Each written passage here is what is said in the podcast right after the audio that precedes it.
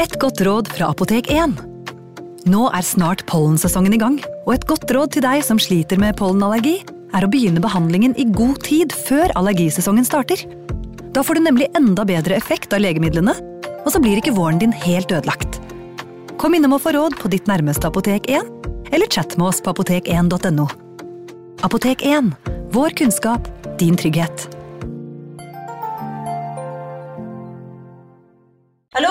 Jeg kommer fra Oslo politikammer. Ine Jansen er purk. Er du purk? The motherfucking bitch. Alt jeg vil, er å finne ut hva som skjedde med mannen min. Jon Carew. Er jeg sikta for noe? Iben Akeli. Det er du. Ole So, Lars Berrum og Big Daddy Karsten. Hvem sin side er du på, egentlig? Anette Hoff, Tone Danielsen, Kommer du fra Afrika? Jørnis Josef, Nesten kløfta. Trond Espen Seim, Det er synd å si det, men det var feil mann som døde. Purk. Premiere tirsdag på TV2 Play. Ungsamtalen fra DNB er økonomisk veiledning tilpasset deg som er ung. Bokk en ungsamtale på dnb.no. slash ung. Det er kjempebra hvis du skal inn på boligmarkedet, hvis det er drømmen din, liksom. Det er det du skulle sagt. Og så kunne du ropt litt mer, da, sånn som jeg gjorde. Bam! Advarsel. Denne podkasten inneholder skildringer av ekte drap og kriminalsaker som kan være støtende for enkelte. Det advares også mot sterke inntrykk i deler av episoden. Når en kriminaletterforsker løser en sak, handler alt om sammenhenger. Tid, sted, motiv og alibi, dette er nøkkelen til å finne svaret på de to essensielle spørsmålene i en drapssak – hvem og hvorfor. Klarer man å finne svar på dette, er saken så godt som løst. I tilfellene der det er flere drap utført av samme gjerningsmann, kan man begynne å lete etter sammenhenger mellom de ulike drapene.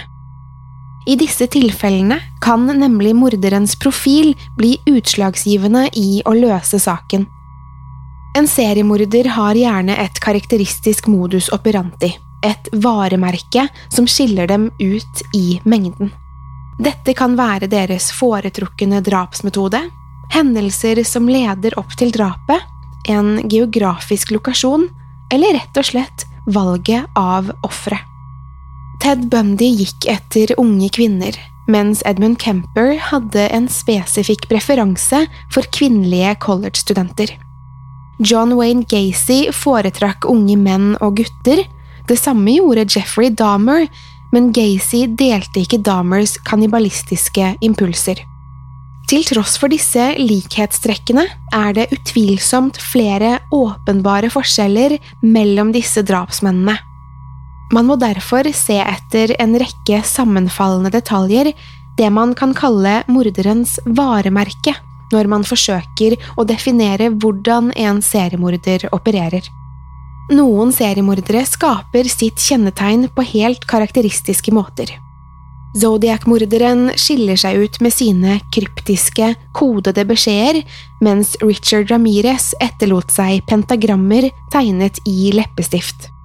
Det blir åpenbart at for flere av disse forskrudde sinnene hviler det mye stolthet i deres virksomhet og hvordan de blir oppfattet av politiet, media og offentligheten. I noen saker blir det raskt innlysende at det er en sammenheng mellom ulike drap, andre ganger fremstår det hele mer tilfeldig. I dagens episode skal vi se nærmere på en teori som forsøker å knytte sammen en serie med uløste drap som fant sted i New York på 1970-tallet. En teori om en seriemorder med minst tre menneskeliv på samvittigheten.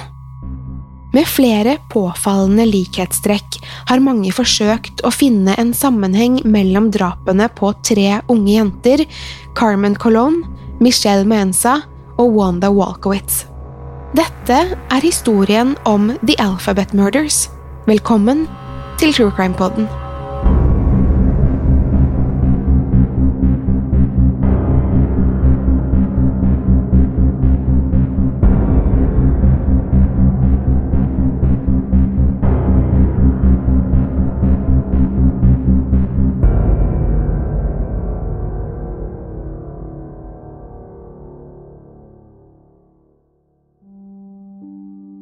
Rochester, New York, 16.11.1971.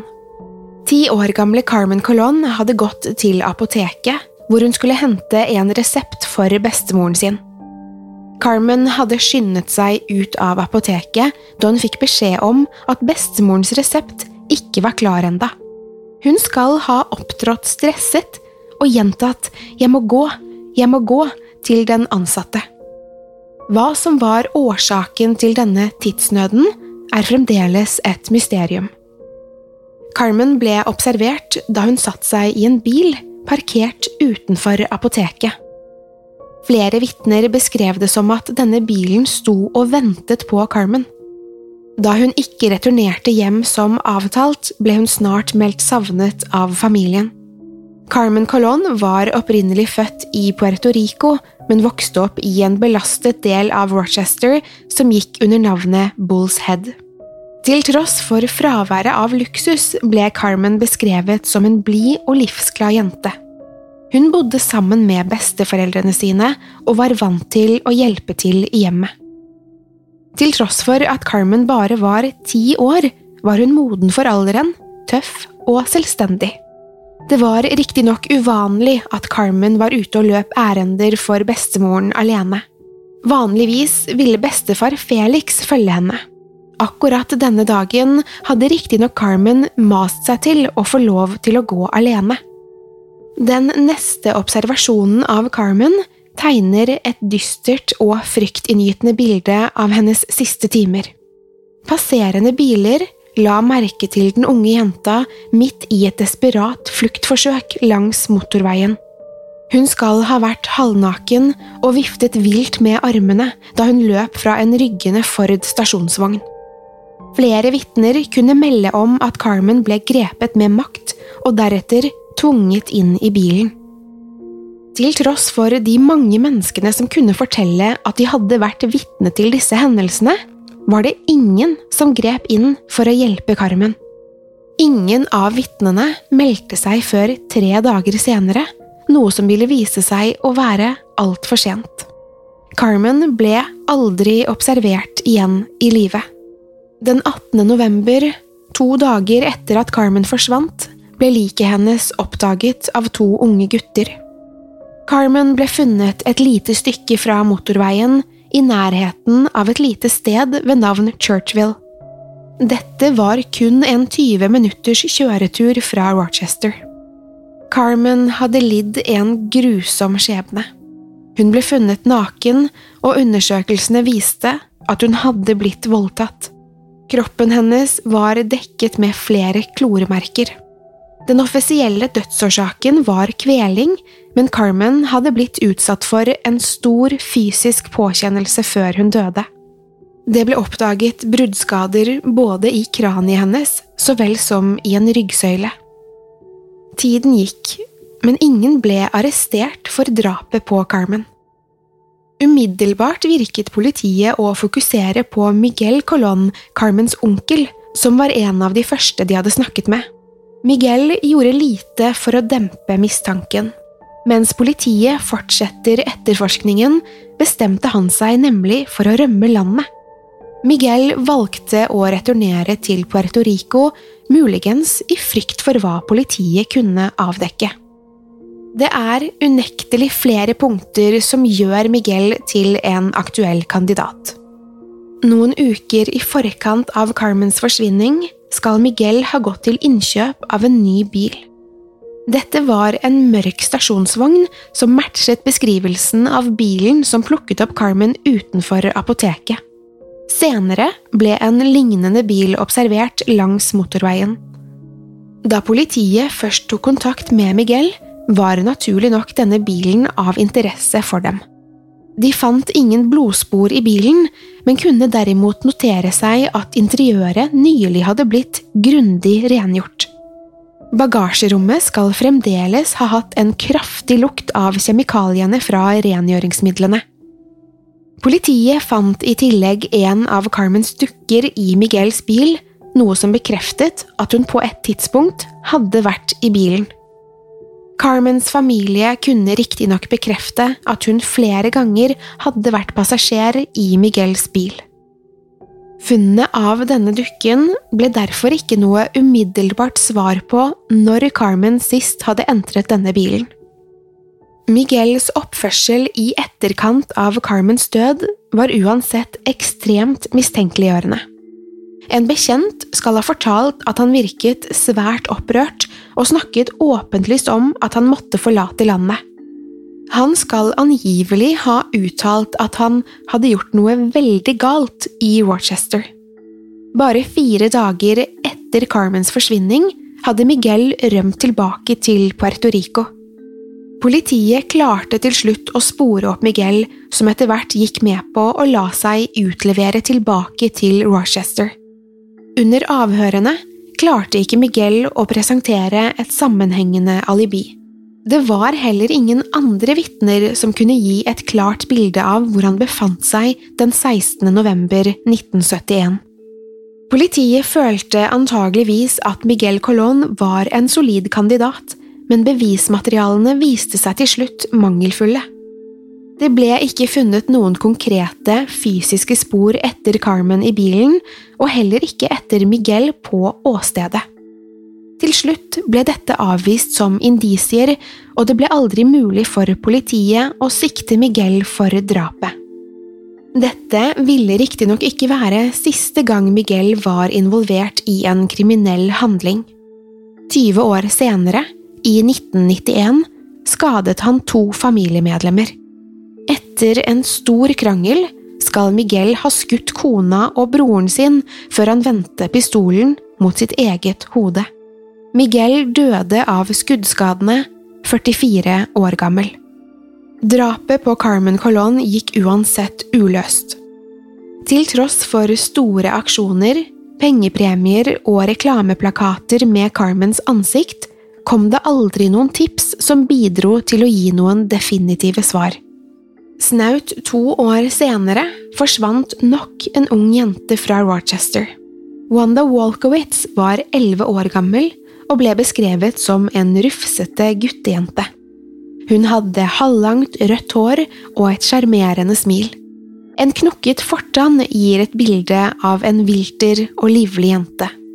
Hun var alltid på farten, og man fant henne stort sett ute i gatene der hun lekte med de lokale guttene. I likhet med Carmen vokste Wanda opp i et av de mer belastede områdene i Rochester. Moren til Wanda var aleneforsørger med ansvar for tre unge jenter. Som den eldste av de tre søstrene forsøkte unge Wanda å hjelpe moren så godt hun kunne. Den 2. april 1973 hadde Wanda gått i butikken for å kjøpe matvarer for moren. Hun hadde forlatt butikken en gang etter klokken fem, men da klokken ble åtte, var det fremdeles ingen tegn til Wanda. Moren hennes ringte politiet, som snart iverksatte en stor leteaksjon. Vitner hadde observert Wanda på vei fra butikken. Hun bar på en stor, brun papirpose som kanskje var i tyngste laget for den unge jenta. Wanda hadde forsøkt å lene posen mot et gjerde da en mørk bil stanset langs veien. Dagen etter hun ble meldt savnet, kunne politiet avslutte søket. Wandas lik ble funnet ved en rasteplass i nærheten av Webster, omtrent 15 minutter unna Rochester. Basert på hvordan hun ble funnet, antok politiet at hun hadde blitt kastet ut av en kjørende bil. Wanda var fullt påkledd da hun ble funnet, men rettsmedisinerne avdekket at hun hadde blitt utsatt for seksuelle overgrep. Hun hadde blitt kvalt til døde. Gjerningspersonen skal ha stått bak henne og strammet et tau eller en snor rundt halsen hennes. Det ble funnet hår og kroppsvæske fra en uidentifisert person på Wanda, så vel som flere hvite kattehår. Dette var riktignok flere år før DNA-testing ble standard praksis i politietterforskninger, og disse funnene pekte derfor ikke mot én bestemt gjerningsmann. Funnene tillot riktignok politiet å konstruere en teori om hvordan morderen opererte. De antok at Wanda hadde blitt tilbudt en kort kjøretur for å hjelpe henne med den tunge handleposen. Gjerningsmannen hadde antageligvis brukt søtsaker og en vennlig hvit katt for å etablere tillit. Politiet oppdaget at Wanda hadde spist vaniljekrem kort tid før hun døde, til tross for at hun ikke hadde kjøpt dette i butikken eller spist det på skolen. Det antas derfor at morderen hadde tilbudt henne dette for å lokke henne inn i bilen.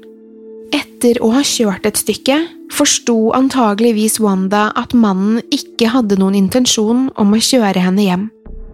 Frykten må ha satt inn hos Wanda før bilen stanset på et avsidesliggende sted. Her ble Wanda overfalt og kvalt til døde, før hun ble dumpet ut av bilen. Alle var desperate etter å finne gjerningsmannen. Akkurat som med Carmen Colón ble det tilbudt store pengebeløp for relevante tips. Et vitne kunne fortelle at han hadde sett Wanda da hun ble tvunget inn i en bil. Et annet vitne mente å ha observert øyeblikket da Wanda ble dumpet fra bilen.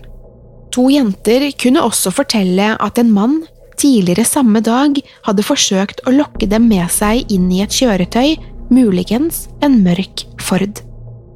Til tross for flere tips ledet ikke dette til noen arrestasjoner. Det var påfallende likhetstrekk mellom disse to drapene. Begge jentene hadde blitt plukket opp av en bil for å så bli seksuelt misbrukt og kvalt. Politiet var likevel raskt ute og avviste noen sammenheng mellom de to hendelsene. Også drapet på Wanda Walkowitz forble uløst. Et halvt år senere, 26. november 1973, ville nok en ung jente forsvinne fra Rochester. Michelle Mensa var også en elleve år gammel jente som i likhet med Carmen og Wanda forsvant da hun var ute og gikk alene. Michelle ble sist sett av klassekameratene rundt halv fire. Hun skulle egentlig bare hente en veske som moren hadde glemt igjen da hun var ute og handlet. På veien skal hun ha støtt på onkelen sin. Han tilbød å kjøre henne, men Michelle skal ha takket nei. Ikke lenge etter ble Michelle observert igjen. Hun skal da ha sittet gråtende i passasjersetet på en bil. Denne gangen beskrives bilen som et stort, lyst eller beige kjøretøy. Dette var altså ikke den samme bilen som ble brukt i kidnappingen av Carmen og Wanda. Hvorvidt det var samme gjerningsperson, forblir et mysterium. Dette kjøretøyet ble igjen observert omtrent to timer senere. Bilen sto i en lomme langs motorveien med et punktert hjul. Utenfor bilen sto en mann. Han hadde et fast grep rundt armen til en ung jente. Denne jenta antas å ha vært Michelle Maenza. Da en bil stanset for å tilby assistanse, skal mannen ha skjøvet jenta bak ryggen sin og samtidig forsøkt å skjule bilens registreringsnummer. Mannen skal ha opptrådt truende og antydet at han ikke var interessert i hjelp. Personen som hadde stanset for å hjelpe, ble skremt av mannens aggressive fremtoning og så seg nødt til å dra, men klarte å skrive ned deler av registreringsnummeret. Michelle Maenza ble oppdaget to dager senere. Hun ble funnet i en grøftekant i nærheten av Mayston. Mayston er et lite tettsted omtrent to og en halv mil fra Rochester. Michelle hadde lidd en skjebne lik den Carmen og Wanda hadde gjort før henne. Hun hadde blitt seksuelt misbrukt og kvalt til døde. Det var tegn til at Michelle hadde kjempet imot ettersom ansiktet hennes var påført omfattende skader. I likhet med Wanda ble hun funnet med klærne på og hadde antageligvis blitt påkledd etter sin død. I likhet med Wanda fant politiet hvite kattehår på Michelles klær. Det ble gjort omfattende funn av kroppsvæske så vel som et håndavtrykk på Michelles hals. Etterforskerne fant bladrester i Michelles knyttede hånd, noe som indikerte at hun hadde blitt drept utendørs, mest sannsynlig i nærheten av området hun ble funnet. Antageligvis skal også Michelle ha blitt lokket inn i bilen med tilbud om mat. Under obduksjonen ble det i alle fall avdekket at Michelle hadde spist en hamburger kort tid før hun ble drept. Politiet antok derfor at en lignende fremgangsmåte hadde blitt brukt. Den hvite katten skapte tillit, før tilbudet om en belønning ble brukt for å lokke til seg de unge jentene. Vitnene som hevdet å ha sett Michelle, kom med flere beskrivelser av den mystiske mannen. Han skal ha vært en hvit mann med mørkt hår som så ut til å være et sted mellom 25 og 35 år. Han var omtrent 180 cm høy med normal kroppsbygning. Flere vitner kom med lignende beskrivelser av denne mannen og mente de hadde observert han sammen med Michelle. Til tross for flere vitnebeskrivelser og en detaljert fantomtegning ble aldri denne mannen identifisert. To forsvinninger kan kanskje beskrives som en tragisk tilfeldighet, men tre begynner å ligne et mønster. I løpet av to år hadde tre jenter forsvunnet fra samme by. Rochester er som nevnt et ganske belastet område. I tillegg til fattigdom har nemlig byen en veldig høy kriminalstatistikk. I 2018 ble faktisk Rochester rangert som den femte farligste byen i den nordlige delen av New York. Brutaliteten i disse drapene vekket uansett sterke reaksjoner. Det er flere detaljer ved disse tre drapene som har fått mange til å tro at det er en sammenheng. Allerede ved å beskrive hendelsesforløpene er det vanskelig å avvise flere påfallende likheter i drapsmannens metode. Drapene var åpenbart seksuelt motivert med en nær identisk fremgangsmåte. At alle jentene var fra samme område, er kanskje ikke i seg selv nok til å definere et klart mønster, men den oppmerksomme lytter har kanskje allerede lagt merke til en større sammenheng. Jentene hadde en lignende profil. De var jevngamle og hadde alle vokst opp under lignende omstendigheter i Worcester. Alle tre kom fra fattige katolske familier, de slet på skolen og hadde få nære venner. Dersom man er på jakt etter en sammenheng, er man allerede godt i gang, men dette er bare toppen av isfjellet. Dersom man begynner å utforske, finner man et langt mer intrikat mønster.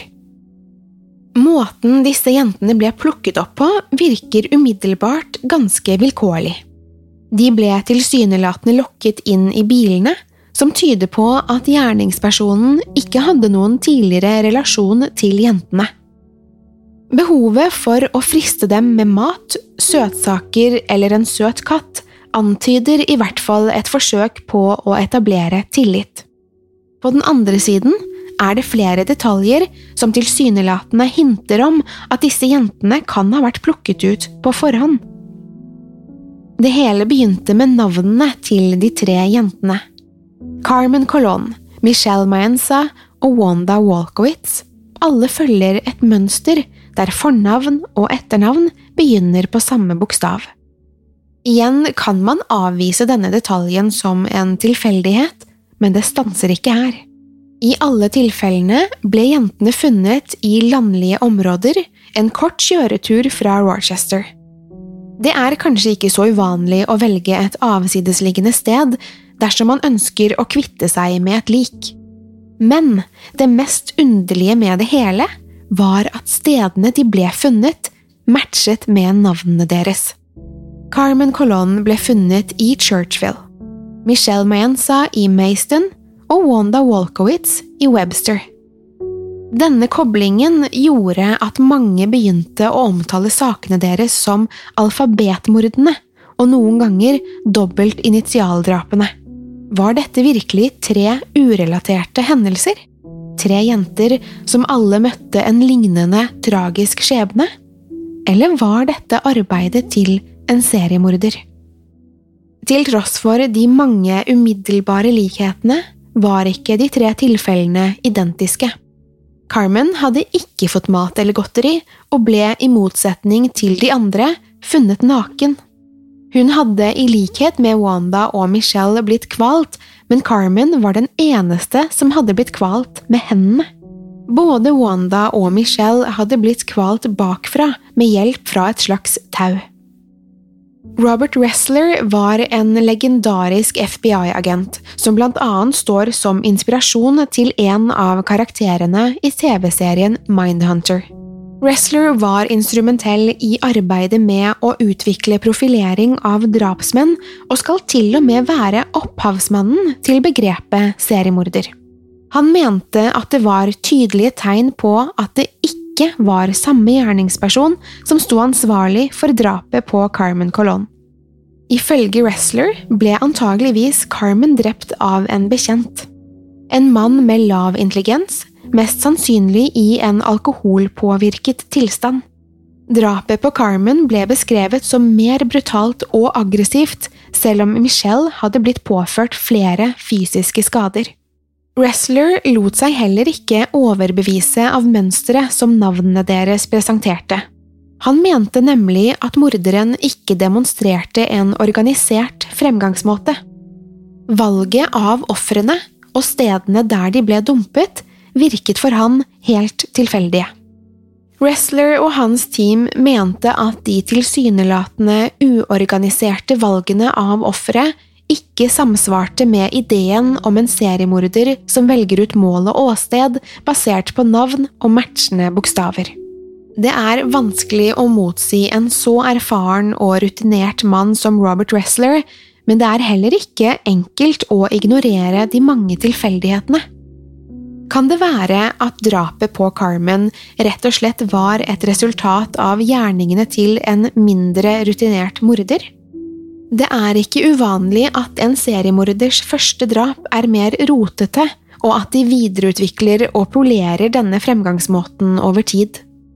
Kanskje var den brutale behandlingen av Carmen et resultat av at hun kjempet imot og forsøkte å flykte? Kanskje hun sa eller gjorde noe som førte til at drapsmannen mistet tålmodigheten?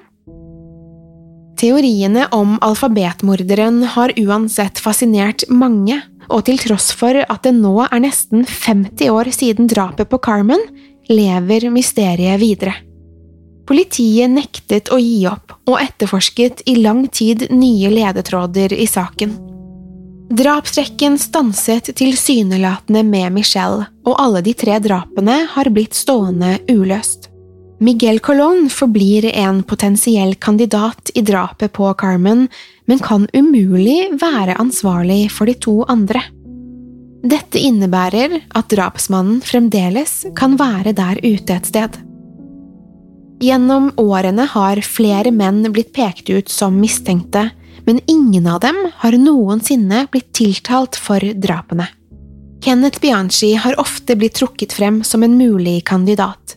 Bianchi er en seriemorder som var aktiv på slutten av 70-tallet. Han er kanskje bedre kjent som en av to mordere som gikk under navnet The Hillside Strangler. Sammen med sin fetter sto Bianchi ansvarlig for ti drap. Alle disse var unge jenter og kvinner som ble kvalt til døde. Da Carmen, Michelle og Wanda ble drept, bodde Kenneth Bianchi i Rochester. Her solgte han iskrem, ikke langt fra området der to av kidnappingene fant sted. Bianchi skal også ha kjørt en lignende bil som den som ble beskrevet av vitnene. Utover dette ble det aldri funnet noen konkret sammenheng mellom Bianchi og de tre drapene. I 2011 ble den da 77 år gamle Joseph Naso arrestert i Reno, Nevada. Han ble anklaget for fire drap som så ut til å følge et tilsvarende mønster. Joseph Nasos ofre var riktignok noe eldre kvinner som ble antatt å være prostituerte. Disse fire drapene skal ha funnet sted mellom 1977 og 1994 i California. Naso var riktignok fra New York og bodde på begynnelsen av 70-tallet i Rochester. De fire kvinnene Joseph Naso var anklaget for å ha drept, delte ikke nødvendigvis mange likhetstrekk med Carmen, Michelle og Wanda, men de hadde et åpenbart fellestrekk. Alle hadde fornavn og etternavn som begynte på samme forbokstav. Av alle tilfeldighetene i denne historien har vi kanskje kommet til den aller største. En av de fire kvinnene Naso var anklaget for å ha drept, het nemlig Carmen Cologne. På motsatt side av landet hadde altså en annen kvinne som bar det samme navnet, blitt drept, potensielt av samme drapsmann. Plutselig fikk alle et lite håp om at alfabetdrapene endelig skulle bli løst. Alt så ut til å stemme. Joseph Naso var fra Rochester, han hadde drept siden 70-tallet og hadde åpenbart en forkjærlighet for bokstaver. Dessverre var denne gleden kortvarig. Joseph Nasos DNA ble nemlig testet opp mot bevismateriale fra drapet på Wanda Walkowitz, og dette viste seg å ikke være en match. Dermed døde også håpet om å endelig komme til bunns i alfabetdrapene i New York. Selv om politiet ikke klarte å knytte han til drapene på Carmen, Michelle og Wanda, ble Joseph Naso dømt for alle de fire California-drapene. Han mottok med dette en dødsstraff. Man kan finne sammenhenger overalt hvis man leter godt nok, også i noe som er fullstendig tilfeldig og kaotisk. Det er likevel vanskelig å avvise alfabetmordene som rene tilfeldigheter. Drapene på Wanda og Michelle er så identiske i fremgangsmåte at det nesten umulig kan være utført av ulike gjerningsmenn. Carmens drap bærer også flere likhetstrekk med disse, men her er det i det minste mulig å argumentere for at det kan være en annen drapsmann som står bak. Noen ganger kan man kanskje bli så opphengt i å finne et mønster at man finner sammenhenger som aldri eksisterte. Hva slags glede skulle egentlig en morder ha av å drepe mennesker simpelthen fordi navnet deres begynte på en bestemt bokstav? Og skulle det være en slags stolthet bak dette? En måte å vise at man var smartere enn de rundt seg?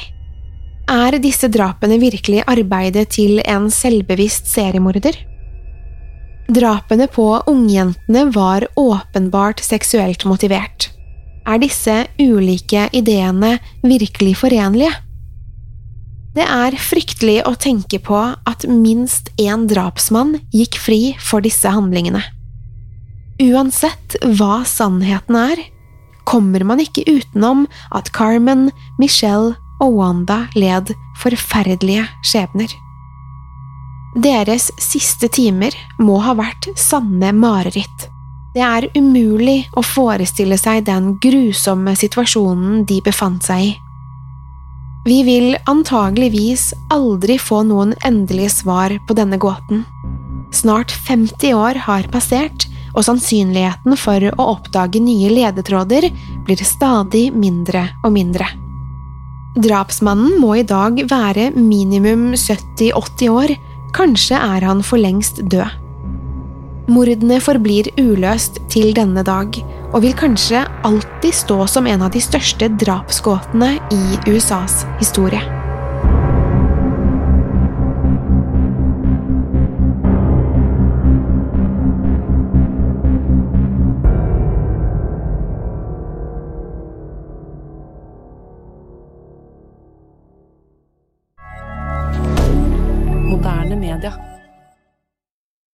Har du et enkeltpersonforetak eller en liten bedrift? Da er du sikkert lei av å høre meg snakke om hvor enkelt det er med kvitteringer og bilag i fiken, så vi eh, gir oss her, vi. Fordi vi liker enkelt. Fiken superenkelt regnskap. Hei! Takk for at du lytter til True Crime Podden. Skulle du ønske at du kunne høre en ny episode av denne podkasten hver eneste uke? Vel, da er det bare å laste ned podkastappen Untold med en gang. I tillegg til ukentlige episoder av podkaster som Skrekkpodden, Synderne og Henrettelsespodden får du masse annet reklamefritt og eksklusivt innhold. Last ned Untold i AppStore eller Google Play og start din 30 dagers prøveperiode i dag.